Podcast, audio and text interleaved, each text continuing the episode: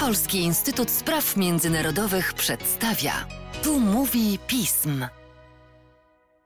W amerykańskim, odbywającym się czasem co tydzień, czasem trochę rzadziej, ale myślę, że Państwo, jak się domyślają, im bliżej wyborów, tym bardziej będziemy trzymali się tej regularności podcaście pismu. Witam Państwa Łukasz Jasina i witam dziś samego Andrzeja Dąbrowskiego. Cześć Andrzeju. Cześć Łukaszu, dzień dobry. Jeśli chodzi o amerykańskie wybory prezydenckie, to w tym tygodniu temat może być tylko jeden. E, zresztą poruszaliśmy go już niejednokrotnie, bo to była zagadka od kilku miesięcy dość poważna, choćby z uwagi na wiek Joe Bidena. Ważną kwestią jest wybór wiceprezydenta lub wiceprezydent i ta decyzja w końcu zapadła razem z prezydentem potencjalnym Bidenem, wiceprezydentem byłym na prezydenckim tikecie, jak to się ładnie w Stanach Zjednoczonych określa, będzie obecna Kamala Harris, senator z Kalifornii, prawniczka. Kim tak naprawdę, bo niestety nasi publicyści się skupili bardzo mocno na kwestii koloru skóry Kamali Harris, ale kim naprawdę jest ta stosunkowo młoda, jeżeli chodzi o obecność w polityce federalnej senator z Kalifornii? Otóż, Łukaszu, pani Kamala Harris jest przede wszystkim prawnikiem. I e, ona urodziła się w Oakland w Kalifornii, jest taką Kalifornijką bardzo zżytą ze swoim stanem, tam zaczyna swoją karierę. No ale może zacznijmy od tego, jakie ma pochodzenie. Tutaj media to bardzo mocno podkreślały, że, że jest to pierwsza, pierwsza ta, pierwsza uwaga. Tu będziemy zaraz to obalać, e, te, te, te mity, bo, bo na tej pierwszości Partia Demokratyczna chce zbudować pewien pewną narrację, trochę mijając się z prawdą. W każdym razie Kamala Harris, jej rodzice przybyli spoza Stanów Zjednoczonych, ojciec z Jamajki, matka z Indii. Oboje byli naukowcami, ojciec e, jest ekonomistą, matka natomiast e, zajmowała się badaniami nad e, nowotworami. Także doskonale wykształceni ludzie, którzy chcieli w Stanach Zjednoczonych zbudować sobie nowe życie, znaleźć takie szanse na, na swoją karierę naukową. No i Kamala Harris przyszła na świat 55 lat temu. Wychowywała się głównie w Kalifornii, ale też troszeczkę w Kanadzie, gdzie przez jakiś czas mieszkała z matką po tym, jak jej rodzice się rozwiedli. Mm, kształciła się w Waszyngtonie na, na słynnym czarnym Uniwersytecie Howarda. Później um, kształciła się jako prawnik um, i po to, żeby po studiach zostać um, rozpocząć swoją karierę jako prokurator. Najpierw e, w Oakland, później w San Francisco. Była w San Francisco przez pewien czas prokuratorem e, w tym mieście, po to, aby następnie e, skupić się na karierze stanowej i została prokuratorem stanowym, wybranym, bo Amerykanie wybierają swoich prokuratorów stanowych w wyborach, także jakby wspięła się na te, te już stanowiska wybieralne. I wtedy właśnie poznała Bo Bidena, e, nieżyjącego już e, syna, najstarszego syna Joe Bidena, który kilka lat temu zmarł na raka mózgu. Zaprzyjaźniła się z nim i wtedy zaczęła się jej znajomość z wiceprezydentem Stanów Zjednoczonych. Nie jest to tak, że pani Kamala Harris dopiero poznała Joe Bidena z uwagi na kwestie polityczne teraz. Nie. E, miała z nim styczność jeszcze wtedy, kiedy był senatorem, a ona była prokuratorem generalnym Kalifornii. No oczywiście to były takie relacje o, charakterze mniej politycznym, częściej bardziej towarzyskim. Natomiast kiedy Barack Obama e, wystartował w, wyborach Partii Demokratycznej w 2008 roku, żeby potem starać się o, o mandat tej partii do wyborów prezydenckich, ona była pierwszą osobą w Kalifornii z takich ważniejszych urzędników, który ją poparł. To znaczy widziała w, w, w Obamie, no a później utwierdziła się w tym przekonaniu, kiedy Obama wziął sobie Bidena na pokład jako przyszłego wiceprezydenta, że, że to jest y, jej środowisko polityczne. No i tak już zostało. W 2016 roku w wyborach łączonych oczywiście prezydenckich oraz do Senatu i do Izby Reprezentantów e, Kamala Harris po raz pierwszy zdobyła mandat senatora do, do, do w Waszyngtonie. No i od tamtego czasu jest y, dosyć aktywnym politykiem, y, który według y, takich statystyk, które są opracowywane w sposób ciągły przez e, e, amerykańskie watchdogi, plasuje się po tej bardziej lewej stronie e, składu senackiego demokratów. Na takim na takim wykresie, no to jest tuż obok, niemalże tuż obok Berniego Sandersa, który właściwie ten, ten peleton zamyka od lewicy.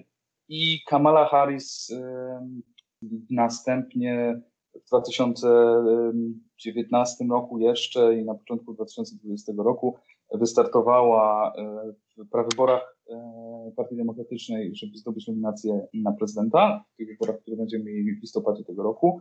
I tutaj, no powiedzmy sobie szczerze, tą swoją kampanię trochę położyła. To znaczy, no miała, miała bardzo entuzjastyczne e, przyjęcie ze strony swoich, swojej bazy wyborców, zwłaszcza w Kalifornii.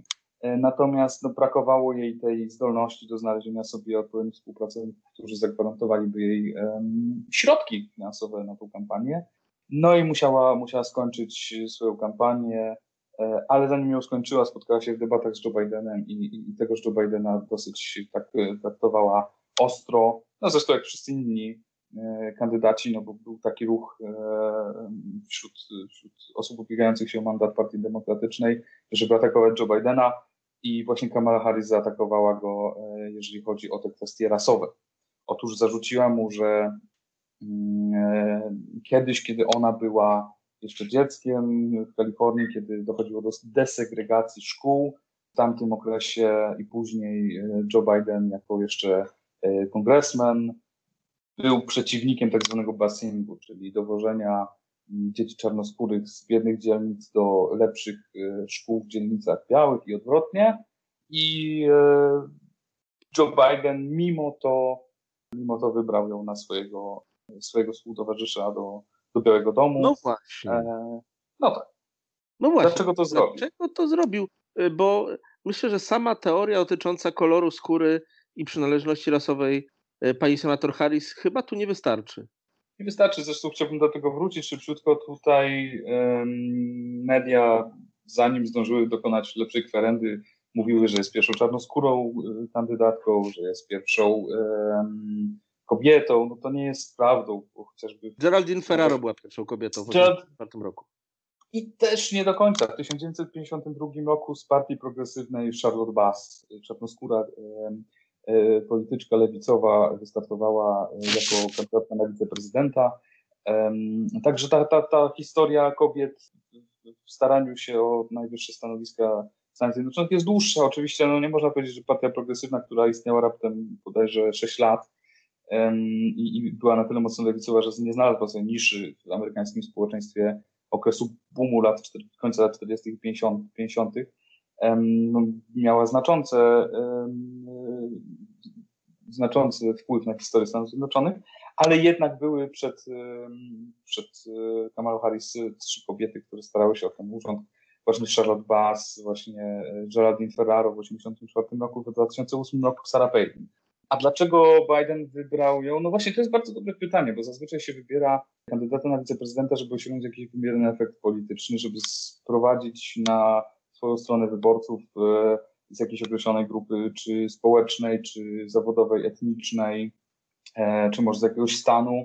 No i właściwie wybieranie dosyć nowej stażem politycznym senator z Kalifornii, to jest takie powiedzenie sobie, ok, mamy pewność, że Kalifornia jest nasza, że, że Joe Biden tam wygra, ale odpuszczamy sobie walkę o inne stany, bo miał propozycje z innych stanów e, Joe Biden, e, z, z Florydy, która jest szalenie istotna dla wygrania prezydent, wyborów prezydenckich, z Wisconsin, jak się okazało, też szalenie istotne dla, dla zwycięstwa w listopadzie. Tu wyszedł pewnie Joe Biden, jak się domyślam z założenia, że jednak e, tak jak obiecał kobieta czarnoskóra, to będzie taki sygnał dla, dla Afroamerykanów, że stoi po ich stronie, zwłaszcza teraz, kiedy kiedy Stanami Zjednoczonymi targają te emocje związane z, z konfliktem rasowym, z, ze sprawami jakiejś niesprawiedliwości społecznej, którą e, osoby czarnoskóre widzą jako, jako wciąż element e, ciemiężenia ich właśnie za, za to, e, jakie jest ich pochodzenie.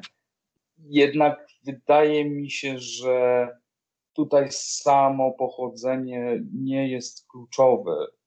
Dlaczego tak mi się wydaje? Sądzę, że jednak Kamala Harris jako taka osoba, która, no jednak nie oszukujmy się, jest postrzegana jako część elity politycznej i społecznej Stanów Zjednoczonych, jest daleko od tych wyborców y, afroamerykańskich, którzy y, na co dzień sami siebie czy ktoś inny nie byłby w stanie tej elity zakwalifikować. Barack Obama w 2008 roku, wybierając Joe Bidena, chciał zwrócić się do tych e, ciężko pracujących robotników i, i, i mało zarabiających ludzi z tak zwanego Rust Belt, e, przedstawiając im swojego kandydata na wiceprezydenta, który właśnie ma takie pochodzenie mm, z, z, z rodziny, no takiej, z tych, nie, nie, nie można powiedzieć żadnych niżin społecznych, ale ciężko pracujących everyday Amerykanów. W tym przypadku wydaje mi się, że Biden bardziej chciał położyć nacisk na to, żeby stworzyć kontrast taki wyraźny między tym, kim jest Mike Pence, wiceprezydent e, Donalda Trumpa i no, też przyszły kandydat na wiceprezydenta w kampanii reelekcyjnej, a Kamala Harris, która jest no, taką, ma być taką twarzą Ameryki. Córka imigrantów, e, czarnoskóra, kobieta, walcząca o prawa mniejszości i tak dalej. I Mike Pence, biały mężczyzna, z klasy średniej, z y, bardzo tradycyjnymi, silnie opartymi o chrześcijaństwo wartościami. I, y, I ten kontrast y, to jest to, na co, na co liczy na co liczy Biden, że, że będzie mocniej motywował jego, jego bazę i również zachęci tych wyborców, którzy są zniechęceni do, do Trumpa i jego braku postępowości, aby właśnie oddali głos na, na Bidena. E, czy to jest dobry wybór? Pani Harris będzie miała dużo różnych rzeczy, z których będzie musiała się w ciągu swoich najbliższych spotkań wyborczych, o ile takie dojdą do skutków, pewnie głównie internetowych, tłumaczyć, będzie musiała się tłumaczyć przed mediami, ponieważ nie była taka w swojej dotychczasowej karierze zawodowej jako prokurator e, czy jako kongresmen jednoznaczna w sprawach związanych właśnie z, z, z takimi, które teraz są na, na, na tapecie raz była zwolenniczką kary śmierci w Kalifornii, drugi raz opierała się temu zmianom, czyli zlikwidowaniu kary śmierci. Czasami mówiła, że chce być ostra wobec e, przestępczości, czasami e, sobie odpuszczała niektóre, e, niektóre akty oskarżenia. Deklarowała, że chce, żeby policjanci byli pociągani do odpowiedzialności za swoje czyny, jeżeli przekroczyli uprawnienia innym razem nie ścigała ich tak, jak e, oczekiwaliby tego jej, jej wyborcy. Także na, na Kamale Harris czeka bardzo wiele pułapek i, i być może będą takie momenty, w których będzie, będzie obciążeniem dla, dla kampanii wyborczej Bidena. No ale wybór został dokonany i teraz e, już jest za późno, żeby coś zmieniać. Biden-Harris to jest to hasło, które będziemy przez najbliższe 2,5 miesiąca oglądać każdego dnia. Obok hasła Trump-Pence, ale Andrzej, jeszcze jedno pytanie, bo to trzeba pytanie zadać. To jest to słynna odległość wiceprezydenta od prezydentury, o jedno bicie serca prezydenta. Różne pogłoski pojawiały się na temat stanu zdrowia Joe Bidena. Wiele takich kontrowersyjnych rzeczy można zobaczyć podczas jego występów medialnych. Jak bardzo w związku z tą nominacją brana jest pod uwagę przejściowość prezydentury Bidena i tak naprawdę głosowanie w wyborach listopadowych na Kamale Harris jako na potencjalną prezydent, którego zastąpi bardzo szybciej niż myślimy. Owszem, w mediach e, pojawiały się spekulacje na temat tego, jak e, Joe Biden funkcjonuje na co dzień, jeżeli chodzi o, o swoją zdolność do. Nie przypomina do, tego Bidena sprzed lat, Andrzeju, stanowczą. No tak, wiek robi swoje. E, ja nie jestem lekarzem i nie będę się na temat tego wypowiadał tak precyzyjnie, jak pewnie byś chciał. E, natomiast mogę powiedzieć coś, co, skomentować coś, co sam Joe Biden powiedział, mianowicie on nazwał siebie kandydatem, czy też jeżeli będzie prezydentem, takim prezydentem tymczasowym. To znaczy zasugerował, że może nie chcieć starać się o reelekcję, jeżeli wygra w tym roku, to w 2024 już raczej nie będzie chciał e, kontynuować swojej kariery politycznej. On w 2024 roku będzie już po 80. Także nawet e, sam wiek, abstrahując od kondycji fizycznej, potrafi bardzo wiele zmienić w życiu polityka, zresztą w życiu każdego człowieka. I tu właśnie Kamala Harris, osoba w wieku e, takim, który daje jeszcze bardzo długą karierę polityczną, e, jeżeli tylko będzie chciała. Jest uznawana za osobę, która mogłaby wtedy przejąć e, te polityczne obowiązki e, Joe Bidena i w 2024 roku wystartować jako, jako kandydatka na prezydenta. To jest coś, z czym należy się w tym momencie już liczyć. Brać to pod uwagę w planowaniu polityki zagranicznej, brać to pod uwagę w myśleniu o przyszłości Stanów Zjednoczonych. Ja sądzę, że ona jest osobą, która nie jest pozbawiona tych ambicji i że mm, na pewno teraz będzie chciała starać się wykazać w tej kampanii wyborczej, będzie bardzo aktywna, będzie bardzo widoczna, po to, żeby ewentualnie za 4 lata móc powiedzieć, popatrzcie, ten sukces jest wspólny, moja kolej, ja już udowodniłam, że potrafię walczyć o głosy wyborców, um, udowodniłam, że jestem dobrym wiceprezydentem, teraz chcę być prezydentem. Także mm, ten scenariusz jest bardzo mocno y, dyskutowany i myślę, że y, będziemy, będziemy go analizować w Polskim Instytucie Spraw Międzynarodowych. Do czego zresztą Państwa zachęcam, a dokładnie do obserwacji efektów tych analiz, w tym w szczególności analiz Andrzeja Dąbrowskiego. Andrzeju, dzięki wielkie i do usłyszenia przy kolejnym podcaście. Dziękuję, do usłyszenia i dużo zdrowia.